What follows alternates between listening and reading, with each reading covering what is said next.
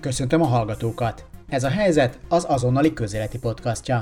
Én Galavics Patrik vagyok. A koronavírus járvány mindannyiunkból mást hozott ki. Sokfélét gondolunk a maszkhordási szabályokról, a megszólaló szakértőkről és egymás viselkedéséről is. Az ELTE szociálpszichológia tanszéke március óta négy alkalommal is kérdőívezett arról, hogyan élték meg a magyarok a járványt.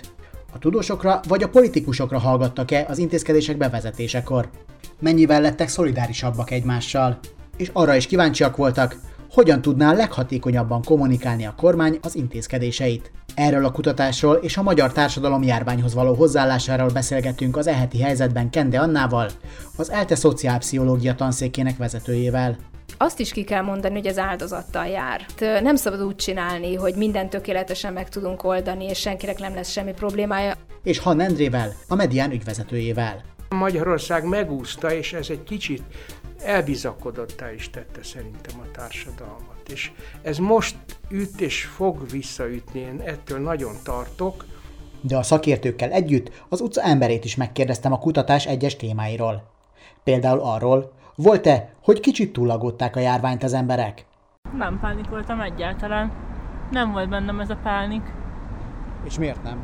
Nem, nem tudom úgy logikusan megmondani, csak egyszerűen tartottam a másfél métert, meg amikor otthon kellett maradni, akkor otthon maradtam.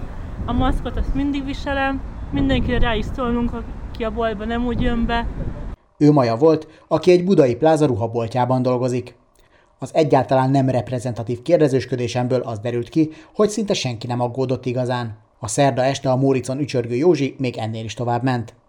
Általában inkább úgy voltam vele, hogy nem, hogy mondjam, nem is hiszek benne, hogy, hogy így ez létezik, mert most már, most már máshogy vagyok vele, mert az egyik haverom az elkezdett dolgozni egy kórházban, aztán mondja, hogy ott, ott azért van jó pár koronavírusos ember, és ja, de am, amúgy annyira nem pánikoltam tőle, a munkám is ugyanúgy ment tovább. És az idősebb korosztályon sem uralkodott el a pánik. Volt, aki inkább az elhalasztott programok miatt szomorkodott. Elmaradt egy perui utam, elmaradt egy Loármenti kastélyuk utam, elmaradt egy Dél-Olaszország, és most a novemberi izraeli út. Ezen van is mit sajnálni. Meg azon, hogy nem mindenki tartja be a védekezési előírásokat.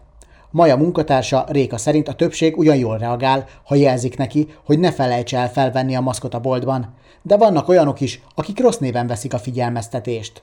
Tudom, hogy nekik az intelligenciájuk nem elég magas ahhoz, hogy megértsük, hogy ez mindkettőnk érdeket, de, de 80%-ban amúgy normálisan reagálnak, úgyhogy nem szabad lenni. És amikor arról volt szó, hogy valahogy védekezni kell a vírus ellen, például ugye maszkhordással, vagy, vagy akárhogyan, akkor, akkor kinek a szava volt a döntő nektek? Nem tudom, az operatív törzset néztétek, vagy megnéztétek, hogy a Györfi Pál mit mond, Or, vagy... vagy... nem, de hogy is nem. Ez is téma volt ugyanis a kérdőívben. Kire és miért hallgattak a járványvédelmi intézkedések kapcsán? Úgy tűnik, a jogszabályoknak mindenki igyekezett megfelelni. Korosztályok szerint azonban